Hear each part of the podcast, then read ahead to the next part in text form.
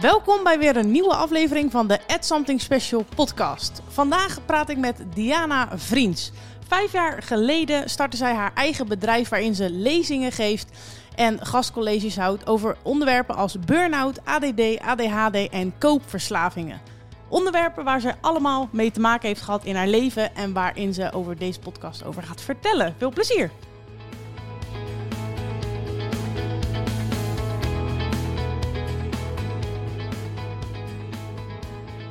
Nou Diana, welkom in de podcast. Hey, goedemorgen. Leuk dat ik er mag zijn. Ja, en uh, ook welkom aan je katten die af en toe eventjes door het beeld lopen. ja, dat is echt, uh, maakt niet uit welke Zoom-call ik heb. Uh, mijn katten zijn wereldberoemd geworden. Of ze zitten op de laptop of huppelen door beeld. Dus zonder hun is, klopt het gewoon niet, zeg maar. Nou, heel goed. Dan goed ja. om te weten. Diana, we gaan vandaag luisteren naar jouw verhaal. Um, nou, het is even lastig uh, waar we moeten beginnen, maar misschien is het mooi om uh, op je 24ste volgens mij uh, kwam jij in een burn-out terecht en toen is eigenlijk alles een beetje volgens mij gaan rollen. kun je daar ja. eens iets over vertellen? Ja, klopt, inderdaad. Um, ja, ik, ik, ik noem het altijd als een omzwaai in mijn leven, of in ieder geval als een soort van tweede kans, want ja, ik weet nog heel goed dat ik die burn-out kreeg en um, ja, ik zat in een gesloten opname en, en um, ja, alles kwam op af. Ik kreeg diagnoses naar mijn hoofd gesmeten en het, het waren allemaal openbaringen. Ik kan het heel lastig uitleggen, maar het, het gevoel was er heel erg dat ik mezelf, eigenlijk mezelf kon gaan zijn, omdat er werd geluisterd naar dingen waar ik tegenaan liep of uh, waar ik moeite mee had en die in het verleden eigenlijk altijd maar een beetje van de tafel werden geveegd, werden nu gewoon gezien. En um, ik denk uiteindelijk, ik heb denk 2,5 maand uh, op de paasafdeling gezeten in Breda. En toen zeiden ze ook van, ja, weet je, dit is niet meer de plek, je moet je vleugels gaan spreiden. En toen ben ik eigenlijk, omdat ik wel merkte dat ik nog niet klaar was met mijn eigen herstel. Want ja, je hebt 2,5 maand intern gezeten. Je hebt natuurlijk wel wat therapie of gesprekken met psychiaters of psychologen gehad. Maar het gevoel van dat ik nog verder moest herstellen was wel heel erg sterk aanwezig. En dat vonden ze daar eigenlijk ook wel. En toen ben ik eigenlijk nog twee jaar daarna in dagbehandeling geweest, uh, verschillende therapieën doorlopen. En dat is eigenlijk de basis naar, een, ja, naar het leven, in ieder geval de start naar het leven ja, geworden, hoe het nu is, zeg maar. Ja, ja. Dus ja. En hoe was dan zeg maar de 24 jaar daarvoor? Dus zonder dat je wist nou ja, wat er zeg maar met je aan de hand was of zo? Ik, ik, het, um, ja, dat is heel lastig te omschrijven, want ergens had ik een masker op en dan masker, als ik dat in mijn hoofd bedenk, dan voelt het nog steeds goed. Want dat was de blije Diana die eigenlijk altijd vrolijk aanwezig was. Die overal voor in was. Um, maar onder dat masker, dat schuilde eigenlijk een heel groot probleem. Of heel veel grote problemen. Die eigenlijk niet aangepakt werden. En dat kwam samen met heel veel pijn, verdriet. En ik merkte altijd dat ik heel erg verdwaald was in mijn eigen hoofd. Dat ik dat gevoel heb ik nog wel, natuurlijk soms wel met mijn ADHD, dat het gewoon één groot rommeltje is. Maar toen de tijd, ik, ik deed maar wat. Ik, eh, het was gewoon puur overleven. En um, verder dan dat lukte me niet om te komen, omdat het gewoon, ja, ik, ik had geen handvat, ik had geen goede richting, ik had geen kompas. Ik, ik ja, weet je, je, als er een pijn naar boven kwam, of een, of een trauma of iets in die richting, dan dan deed ik mijn masker weer op en dan maskeerde ik dat weer. En dan ging ik maar gewoon weer verder met het dagelijkse, uh, nou ja, het dagelijkse. Gewoon elk uurtje gewoon overleven om te kijken hoe ik mij beter kon voelen. En niet dat uh, stukje pijn in mijn leven hoefde toe te laten. Alleen ja, ik zeg ook al, het spreekwoordelijke, spreekwoordelijke emmertje liep uiteindelijk gewoon een keer over. En ja, dat, ja, dat was, ja, de eerste 24 jaar van mijn leven. Ik zeg niet dat het een hel was, maar het waren wel momenten dat ik echt dacht van nou, voor mij hoeft het niet meer. Hm. hm. Dit is, ik uh, ben er klaar mee. Nou, en, en toen je dus inderdaad op je 24ste dan bijna een soort van omkeer maakte in je leven en die dingen naar boven kwamen, was je, was je blij? Of ik kan me ook voorstellen dat het heel eng is. Ik bedoel, je hebt 24 jaar in een soort ja, wereld geleefd en dan ineens veranderen er heel veel dingen. Wat, wat voor soort dingen veranderen daar dan? Ja, ja ik, ik zeg al, ik, ik heb uh, langere, langere tijd het gevoel gehad dat ik niet echt wilde leven meer. Omdat ik gewoon uh, me eigen heel depri voelde. Ik voelde mij niet fijn in mijn vel. Um, En als je dan op je 24e ook een poging doet om uit het leven te stappen, dan. ehm, en de grootste verandering in dat stukje was wel dat ik eigenlijk dat gevoel daarna niet meer had. Dus Ik- je, wilde weer, je wilde weer verder. Ja, ja, weet je, kijk, ik, ik merkte op een gegeven moment dat ik dat er voor de dingen waar ik tegenaan liep, dat daar handvaten voor waren. Dat daar ook werd er- erkend dat ik, ik ben druk, ik ben heel impulsief. Ik, mijn hoofd, ja, gewoon er zijn dingen die, die, die nu gezien werden. En ook gezien werden in de vorm van, oké, nou, dit is er, dit, hier loop je tegenaan, maar dit kun je eraan doen. Dit zijn handvaten waar je mee aan de slag kunt. En dat gaf mij eigenlijk een perspectief dat het leven wel draagbaarder kon zijn. Of draagbaar kon zijn. En dat het leven ook gewoon leuk kon zijn. Zonder dat ik dan masker op hoefde te zetten. En dat was voor mij wel echt een, ehm, ja, een omkeer. Een, een, ja, ik begon ook een bucketlist te maken. Niet omdat ik, ik wist dat ik ooit een keer... Natuurlijk, iedereen gaat een keer dood. Dus eh, wanneer dat is, dat weten we niet. Maar ik, ik ging een bucketlist maken omdat ik eigenlijk echt wilde gaan leven. Ik wilde dingen gaan doen die ik nog nooit eerder had gedaan. En, ehm, en ondanks dat ik bijvoorbeeld met heel veel pijn er nog steeds zat. Want ja, eh 24 jaar pijn. Nou, laten we het even kort rekenen. Want baby's, ja, als je klein bent, dan weet je... Ik weet dat die periode niet meer. Maar die, die, die vele jaren pijn, dat is niet in twee jaar tijd weggewerkt. En we zijn nu, ik ben nu 34 en ik worstel natuurlijk af en toe nog wel eens mee. Alleen, ik kan het bespreekbaar maken. Ik heb geleerd om te praten, om je gevoelens te uiten. Dus dat zijn wel echt dingen die bij mij mijn leven echt 360 graden hebben veranderd. Nou, dat, dat, als ik het zo hoor, dan kan ik me dat wel goed voorstellen. Ben je toen ook meteen gestart met medicatie? Ja, ja, ik, eh, nou ja, het was toen al in de opname. Toen kreeg ik eigenlijk van een psychiater gelijk eh, Ritalin. Ik denk, of in ieder geval de, niet de Ritalin merknaam, maar de, de, de, de nepvariant. Alleen, ehm, ik had heel veel last van bijwerkingen. Dus toen begon ik, daarna ging ik op de concerten over. Weer hetzelfde verhaal, veel bijwerkingen, veel afgevlakte gevoelens. En toen ben ik, heb ik nog een antidepressa geprobeerd, eh, hetzelfde verhaal. En nu zit ik zonder medicatie. Ben je daar blij om? Dat ik zonder medicatie zit? Mhm. Ja. Ja, omdat het heel veel... eh, ik merkte natuurlijk, het is soms wel eens lastig. Want soms dan, dan, dan wil ik medicatie, omdat ik gewoon mijn hoofd rustig wil hebben. Ik word soms gek van mezelf. Maar dan bedenk ik mij ook weer van... Oké, die bijwerkingen waren ook niet zo heel prettig. Dus dan ga je het afwegen tegenover elkaar. En nogmaals, ik zeg niet dat medicatie slecht is. Want het heeft me ook heel veel goede dingen geleverd. Alleen het bracht voor mij meer slechte dingen naar boven dan, dan, dan, dan de goede, zeg maar. Die, de positieve effecten. Ja. ja, dat klinkt wel logisch. Ja. Toen je dus 24 was, toen hoorde je dus al vrij snel in je opname dat je dan ADHD had. Ja. Eh, wist je, had je toen zeg maar voorheen al die gedachtes van joh, misschien zou het dit wel eens kunnen zijn? Of had je er misschien nog nooit van gehoord? Ehm, nou, niet ik, maar eh, dat is best wel misschien voor sommigen een heftig verhaal. Maar mijn oma ehm, heeft suïcide gepleegd toen ik 16 was. En zij heeft toen ook een afscheidsbrief geschreven. Nou ja, eigenlijk meer een afscheidsboekje.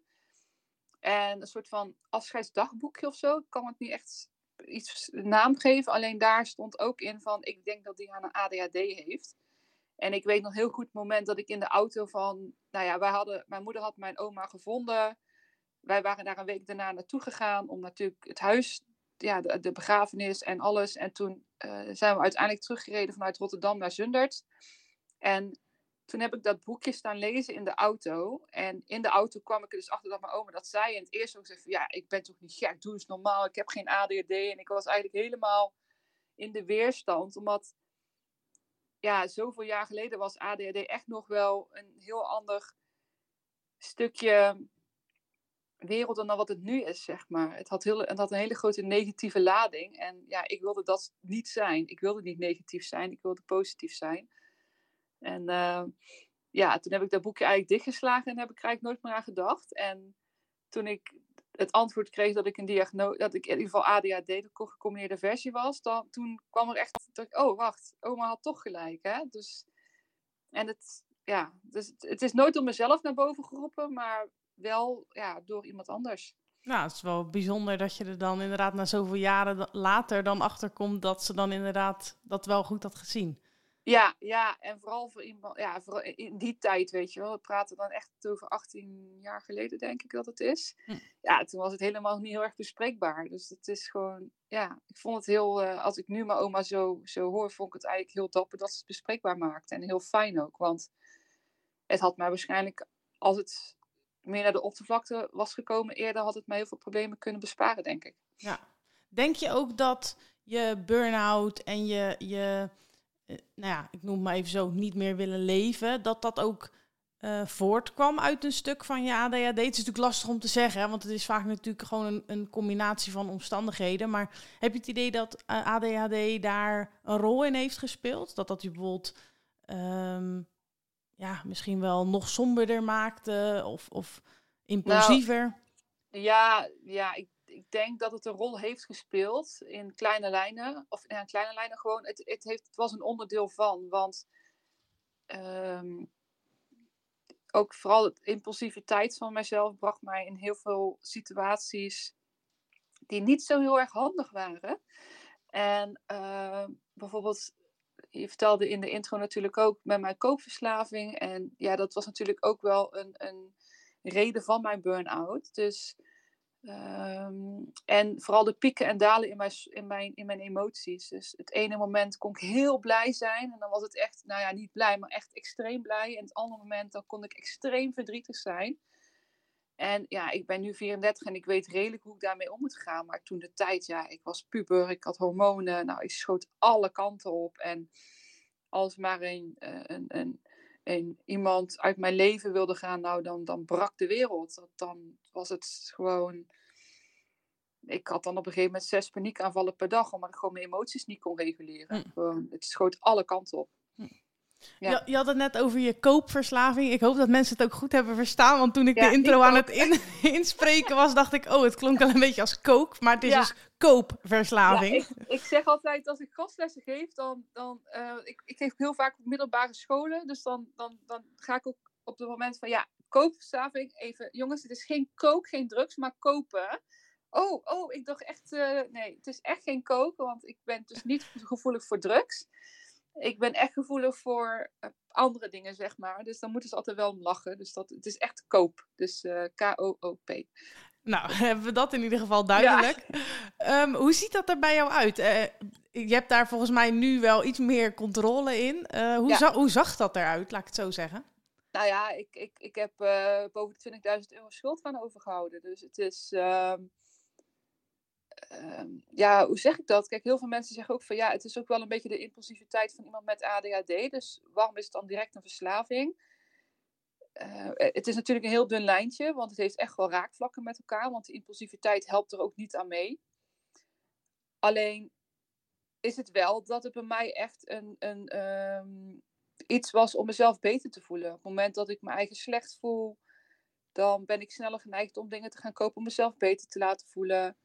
En het is dan niet eenmalig, nee, het is gewoon, ehm, ja, echt heel vaak. En dan was het ook bijvoorbeeld, dan kreeg ik mijn salaris en dan joeg ik gewoon 800 euro in een paar dagen doorheen. En dan moest ik in één keer mijn huur nog gaan betalen of mijn zorgverzekering. Dan kon ik dat in één keer niet meer. Was dat besef er dan op dat moment ook niet zo van je dacht, ik, ik heb nu de, de beschikking over geld, dus ik ga weer kopen en de rest zien we later wel? Of Nee, het was gewoon zo, zo blanco, zo niet aanwezig, dat besef. Dat het, het ging zo vanzelf. Het, ehm, het, het was zo normaal voor mij geworden. Net als, kijk, als we gaan gewoon naar alcohol en drugs gaan kijken bijvoorbeeld. Dat, vooral alcohol is zo genormaliseerd dat het iemand gewoon een biertje pakt. En dat ging bij mij op een gegeven moment ook zo. Ik, ik ging naar de stad en ik kocht wat. Gewoon, oh ja, ik heb geld. En niet nadenkend, omdat de impulsiviteit zo hoog was. En het drang naar mijn eigen beter voelen. Dacht ik niet aan de consequenties die daar uiteindelijk aan vasthingen. en voelde je dan ook beter als je iets gekocht had? Of was dat meer een soort... op dat moment, als ik in de winkel stond, ehm, ik zeg ook, ik ben ooit een keer iemand, heeft iemand mij geïnterviewd, zei ze, ja, het was echt het pashokjesgevoel. Dus op het moment dat je in een pashokje staat en je hebt het jurkje aan, dan voel ik me goed. En dan loop je naar buiten, dan voel je je eigen ook nog goed, want jij hebt een nieuw jurkje, dus je loopt ook echt gewoon ja, vol zelfvertrouwen naar huis toe. En dan kom je thuis, je doet die deur open, alleen achter die deur stonden er gewoon de problemen om mij te wachten waar ik voor wegliep. Dus op, op dat moment voelde ik mij weer rot. En wat gebeurde er? Ik wilde dat rotgevoel wilde ik weer wegwerken. Dus wat ging ik doen? Ik ging vriendinnen bellen van... hey, ga je mee uit eten of ga je op een terrasje zitten? Het was bij mij bijvoorbeeld niet alleen maar kleding... maar ook bijvoorbeeld ook echt gewoon dingen doen met anderen. Ehm, ik, ik kon nooit ook nee zeggen... omdat ik bang was om er niet bij te horen, zeg maar. Dus eigenlijk zou je kunnen zeggen dat eh, het niet per se misschien een koopverslaving is, maar meer een soort geld uitgeven verslaving. En dat die misschien ook wel voortkwam uit een bepaalde onzeker gevoel of zo. Nee, ik denk wel dat het voor mij echt een verslaving is. Want ik merk nog steeds dat het nu een trigger is. Uh, dat ik echt wel op moet letten. Bijvoorbeeld van de week had ik een wat minder moment. En ik woon in de stad. Dus als ik naar de kruidvat moet of naar de Appie, dan loop ik al langs winkels. En een van mijn lievelingswinkeltjes had hun deuren opengezet. En ja, je hebt vast wel gehoord dat sommige winkels gewoon klanten binnenlaten. En ik had zoiets van, oh, hmm, dat, het, oh ik voelde zo de, de aantrekkingskracht, gewoon de, de, de, het magneetje wat mij zo naar, naar binnen trok. Ik merkte op een gegeven moment ook dat ik al meer naar links gelopen was, echt heel vaag. Alleen, ik heb natuurlijk nu de handvaat. Dus nu weet ik bijvoorbeeld, oké, nee Diana, je hebt het niet. Dan ga ik tegen mezelf heel erg motiverend praten. Oké, je hebt het niet nodig, dit en dat. Uh, schrijf het op, misschien kun je het voor later. Dus ik merk wel heel erg dat het nu ook nog een, nog een, nog een valkuil of een trigger is. Dus op het moment dat ik me eigen goed voel, moet ik eigenlijk gewoon niet naar de stad toe. Nee. Ja, dus dan moet ik gewoon de auto pakken en gewoon naar een andere kruidvat gaan als ik dingen nodig heb. Ja, ja ik, ik herken er wel iets van. Ik denk niet dat ik kan zeggen dat ik een koopverslaving echt helemaal niet. Maar uh, ik denk wel dat uh, ik het wel herken dat inderdaad als ik me wat minder voel, dat ik dan wel sneller de neiging heb inderdaad. En ik denk dat ik mezelf wel onbewust heb aangeleerd van oké, als je het morgen of volgende week nog steeds graag wil, dan kun je het misschien wel eens aanschaffen. Dus ik denk dat ik mijn impuls al redelijk onder controle heb. Maar ergens geeft het gewoon een, een fijn gevoel om iets te kopen of zo. En dat is, ja. ja dat is eigenlijk natuurlijk best wel een gek fenomeen of zo. Ja, en bij mij liep het de spuigaten letterlijk uit en ik kon niet meer zonder. Dus als ik dat niet deed, dan ging het nog slechter met mij. Dus bij mij was het echt een opvulling, echt iets wat ik nodig had om ja, te kunnen leven, goed te kunnen leven. Ja. Je, je gaf net ook aan dat je daardoor ehm, eh, best wel in de problemen bent gekomen, ook op het gebied van schulden. Hoe, uh, hoe ben je daar bovenop gekomen? Ehm, ja, dat is heel lastig, want ik, ik zit momenteel nog steeds in de schulden. Omdat ja, een bedrag van uh, over de 20.000 euro met een problematiek wat eigenlijk niet heel erg gezien wordt in de psychiatrie, is het heel lastig om daar helemaal alleen van af te komen. Uh, maar ik heb het onder controle nu, zeg maar. Dus wat, wat, wat ik vroeger niet deed, is het bespreekbaar maken. Omdat ik me eigenlijk er zo schaamde. Van, uh, niemand wist in mijn omgeving ook dat ik daarmee dealde. En ja, deurwaarde na deurwaarde, probleem na probleem. Het stapelde zich maar op. Alleen ja, het, het uitdurven spreken, omdat toch heel vaak word je dan neergezet als onverantwoordelijk. Of ja, een beetje dat soort dingen. En ik denk dat ik vier jaar geleden of drie jaar, is dat nou drie jaar? Ik ben heel erg, dat corona-jaar heeft een beetje mijn, uh, uh, mijn perspectief van de jaar een beetje in de war gehaald. Maar ik denk drie of vier jaar geleden heb ik het uiteindelijk met mijn ouders besproken. En ja, ik vond het verschrikkelijk. Ik heb zitten huilen op de bank en uh, ik schaamde me eigenlijk kapot. Maar het was zo bevrijding om het met iemand te kunnen delen van... hey, ik heb echt hulp nodig, help me. Dit kan ik niet alleen. En um, dat heb ik dus ook met mijn ADHD gedaan. Bijvoorbeeld, ik loop wel eens tegen dingen aan, of dat ik dingen niet snap, of dat ik dingen anders interpreteer dan wat mensen bedoelen, zeg maar. En dan maak ik dat echt bespreekbaar. Dus uh, gewoon echt praten met anderen wat, wat het met je doet, of hoe het bij jou eruit ziet. En dat deed ik dus ook met mijn verslaving. En ik merk nu wel dat ik nu juist zover ben dat ik het echt, dat ik nu bezig ben met afbetalen en dat ik ik heb natuurlijk wel eens impuls aankopen. Dat, dat zal nooit weggaan. Maar ik heb het onder controle voor mijn gevoel. Ik, um, ik, ik hoef niet meer. Ik heb ook andere. Ik heb een ander iets gevonden om eigen beter te voelen. In de plaats van het elke keer willen kopen. En wat is dat alternatief? Waar je je beter van voelt? Uh, de natuur in. Ja, ik, uh, ik, ik, ik, heb ooit een keer geleerd, want ik ben uh, ook rap facilitator. En, die moet je even uitleggen. Ja, dat is Wellness Recovery Action Plan. En um, ja, dat is heel kort uitgelegd dat je voor je eigen document maakt. Het is lang geleden dat ik hem gegeven, want ik geef het niet meer. Maar daar leer je dus bijvoorbeeld ook in, bijvoorbeeld wat dan heb je een gereedschapskist. En in die gereedschapskist doe je eigenlijk allemaal dingen die eigenlijk heel makkelijk zijn. Dichtbij zijn en eigenlijk zo weinig mogelijk kosten die je eigenlijk in kunt zetten om je eigen een beter gevoel te geven. Oké. Dus bijvoorbeeld een van die dingen is knuffelen met mijn katten. Dat, dat geeft me gewoon, in, gewoon direct een goed gevoel. En in de natuur, dus echt de bossen in. Dus als ik me eigen echt rot voel, dan ga ik, hoe lastig het ook is, ga ik naar buiten en dan ga ik een stukje wandelen. Nou, wel mooi dat je dat voor jezelf gevonden hebt. Ja, en dat gereedschapskistje heb ik dan altijd, uh, heb ik dan altijd een soort van bij mij. Heb ik gewoon een, een, lijstje met telefoon staan waar ik dan, als ik het even niet meer weet, gewoon even op terug kan pakken. Nou, mooie, mooie tool. En toen dacht je vijf jaar geleden, ik uh, heb zoveel kennis opgedaan, ik ga voor mezelf beginnen. Ja, het, het is niet echt zo gelopen, want het is ook wel leuk. Want ik zat toen, uh, ik deed de opleiding tot uh, ervaringsdeskundige op het, het Summa College in Eindhoven. Dus van persoonlijk begeleide specifieke doelgroepen met ervaringsdeskundigheid. Uh, en ervaringsdeskundigen, dan zet je eigenlijk je eigen kennis en ervaring zet je in als professionele hulp. Um, en ja, Eindhoven staat hand in hand met PSV. En PSV heeft een maatschappelijk steunsysteem, of in ieder geval een maatschappelijk project. En daar zat het PSV jongerenteam. En het PSV jongerenteam, dat, ja, dat zijn eigenlijk allemaal jongeren Ehm, die eigenlijk vroeg te maken hebben gehad met schoolverlating of een opleiding niet hebben afgemaakt wegens problemen thuis of problemen waar ze mee lopen. En toen ben ik daarvoor gevraagd om uh, bij hun aan te sluiten. En je gaat vanuit daar ga je op middelbare scholen langs vanuit PSV om jongeren eigenlijk te vertellen van dat, hoe belangrijk het uiten van bepaalde dingen is.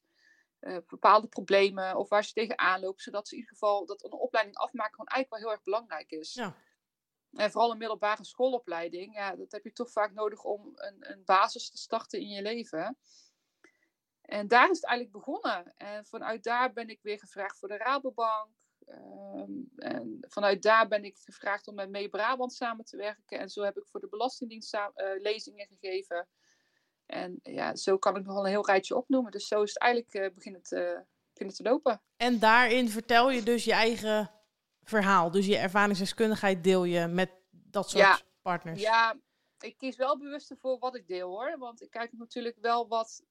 Waar, kijk, als ik een lezing geef of een gastles in, in de week van het geld, dan ben ik wel heel erg specifiek bezig op een stukje verslaving, de schulden erachter. Uh, het omgaan met geld, uh, het open zijn over als je bijvoorbeeld schulden op, uh, dat je schulden bijvoorbeeld opbouwen. Dus, um, maar ik heb bijvoorbeeld ook weer een hele specifieke lezing mogen geven over het leven met ADHD. En wat dat meer voor dingen meebrengt, zeg maar. Dus het is heel afwisselend. Nou, dat klinkt wel als een, als ja. een toffe job. Ja, heel, ja ik, het, momenteel ligt het natuurlijk wat stil, omdat er natuurlijk heel veel scholen dicht zijn en heel veel bedrijven. Maar er lopen wat nieuwe projectjes. En het is echt gewoon heel mooi om. Um, ja, een openheid. Ik weet, kom even niet op het woord, maar. Een bepaald begrip mee te geven, bepaalde kennis. Extra, ik, ik, ja, gewoon mensen te, te, te laten zien dat er meer is dan uh, een stukje vooroordeel wat ze dan vaak toch al bij zich dragen. Ja, want ik hoorde jou net ook zeggen van uh, twintig jaar geleden ongeveer, in de tijd van nou, wat je oma toen schreef, dat er toen een heel ander beeld lag op het fenomeen van ADHD. Hoe, hoe kijk jij daarnaar? Want hè, mensen die mij al wat langer volgen, die weten wel dat ik de, de missie heb om vooral het positieve van ADD en ADHD te laten zien. Um, hoe denk jij dat dat stigma dus langzaamaan wel aan het veranderen is? Ik denk, hoe, dat is een lastige. Um, wat is, wat is nou, het verschil ik, ik denk, met toen en nu? Ik, denk dat sowieso de psychiatrie gewoon eigenlijk alles eromheen aan het veranderen is. De maatschappij. Um, uh, we zijn natuurlijk in de afgelopen jaren zijn we heel erg aan het bouwen geweest om te gaan kijken naar wie de mens achter het, achter een stukje diagnose is. En uh, mensen echt in te zetten op hun kracht. Dus waar waar, waar is iemand goed in? In de plaats van de hele tijd te kijken naar bijvoorbeeld, ja, jij bent altijd heel druk, weet je wel. Um, in van oké, nou je bent druk, maar dat betekent ook dat jij heel veel leuke dingen tegelijkertijd, ja, weet je, dus kijken naar het positieve. En ja. dat is sowieso wel de afgelopen jaren steeds meer een kantelpunt geworden in heel dat stukje psychiatrie, ja, psychiatrie wil ik niet zeggen, maar eigenlijk gewoon onze maatschappij.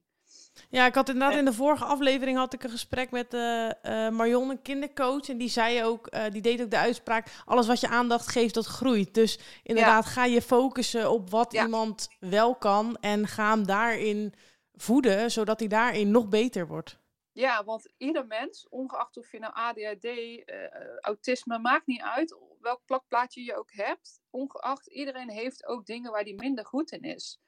En dat hoef je echt niet gelijk te hangen aan een, een diagnose. En dat kan je ook bijvoorbeeld gewoon kijken, ja, dat heeft gewoon ieder mens. En uh, ieder mens heeft ook zijn goede kanten waar hij goed in is. Of wat hem een mooi mens maakt, zeg maar. Dus ik ben het heel erg met haar eens. Dus als je daarop gaat kijken, dan, dan zie je ook veel meer krachtige dingen. En dat is ook met ADHD, want ik weet nog heel goed dat. Ehm, ik heb dat ooit een keer een boek over gelezen. En toen zei iemand ook echt, in een aantal jaar geleden werd ADHD nog heel erg uh, neergezet als ja, dat irritante kind in de klas, wat altijd druk is en dat niet, opge dat, dat um, niet zich eigenlijk kan focussen op de les. Die altijd, zeg maar, wiebelt en doet. Ja, dat is natuurlijk een hele negatieve lading. Ja. Ja. Ja, en nu zou je hem misschien nog veel meer omschrijven als het creatieve kind, wat, uh, nou ja. ja wat uh, voor een ander zorgt uh, als er iets in de klas misgaat of zo ja, of heel oplossingsgericht snel kunnen denken. Ja, dat soort dingen. Dat zijn natuurlijk veel mooier dan het irritante kind wat altijd wiebelt in de klas. Ja, ja absoluut. Nou, ik vraag, vraag meestal ook een beetje aan het einde van de aflevering van... Hè, wat vind je nou mooi en positief? Maar dat, ja, die vraag hebben we nu eigenlijk volgens mij al wel beantwoord. Ja, ja. Misschien, misschien kun je nog een mooie tip geven voor uh, mensen in de, hè, in de richting van um, koopverslaving... en misschien over een stukje schulden. Je daar misschien nog wat, wat, wat tips over kan delen voor luisteraars die daar misschien zelf ook mee struggelen. Ja, ik, ik denk gewoon dat, nogmaals, ADHD en, en schulden ligt ook heel dicht bij elkaar. En wat mij heel erg heeft geholpen is altijd, ja, hoe groot die schaamte ook is, neem iemand in vertrouwen en uit het. Zorg dat je dat rugzakje met die zware met die zware stenen niet alleen hoeft te dragen. Dat je iemand kan hebben die het samen met je draagt. En dat wil niet zeggen dat hij al jouw stukken over moet gaan nemen, maar uit het. Gewoon echt praten met iemand over. En ja, weet je, um, deel het ook bijvoorbeeld met vriendinnen als het een keer slecht gaat. Ik, ik heb bijvoorbeeld een vriendin. En als ze weet dat het met mij slecht gaat, weet ze ook dat ze me niet mee naar de stad moet vragen of zo. Of dan, dan zeg ik ook wel van ja, het gaat niet zo goed. Oké, dan gaan we even lekker de natuur in. Dus vertel je vrienden of je familie of een kennis of je begeleider, maakt niet uit, iemand wat voor jou helpend is op het moment dat het slecht gaat, wat niet met jou, wat je niet verder de schulden in, in, in, in, in laat raken, zeg maar. Ja, dus praten eigenlijk, gewoon communiceren. Ja, ja, ja. dat is, ja, praten. Ja, meer kan ik eigenlijk niet zeggen. Ja, mooi. Hey, men, als mensen in contact willen komen met jou, hoe kunnen ze je vinden? Uh, ja, dat is ook heel leuk, want mijn bedrijf heet eigenlijk uh, Fuck It Let's Talk. Alleen dat wordt door heel uh, de, Facebook-wereld en alles niet geaccepteerd. Dus ik heet gewoon, uh, mijn website heet gewoon Diana Vriends. Met NDS. Um, in de naam, onder de naam Fuck It Let's Talk. Dus, um, dus willen ze mij in contact komen, dan kunnen ze, daarmee, kunnen ze me daar contacteren. Helemaal goed. Ik zal ook een linkje van je Instagram uh, wel eventjes uh, onder de aflevering zetten. En uh, Diana, wil ik jou in ieder geval bedanken voor je verhaal. En dan zou ik zeggen, fijne dag nog. Ja, jij ook. Dankjewel. Jullie bedankt voor het luisteren. Mocht je nou nog een vraag hebben aan Diana, laat het mij dan eventjes weten. Of klik eventjes onder de aflevering naar de Instagram pagina van Diana. En dan zie ik je snel een volgende keer weer.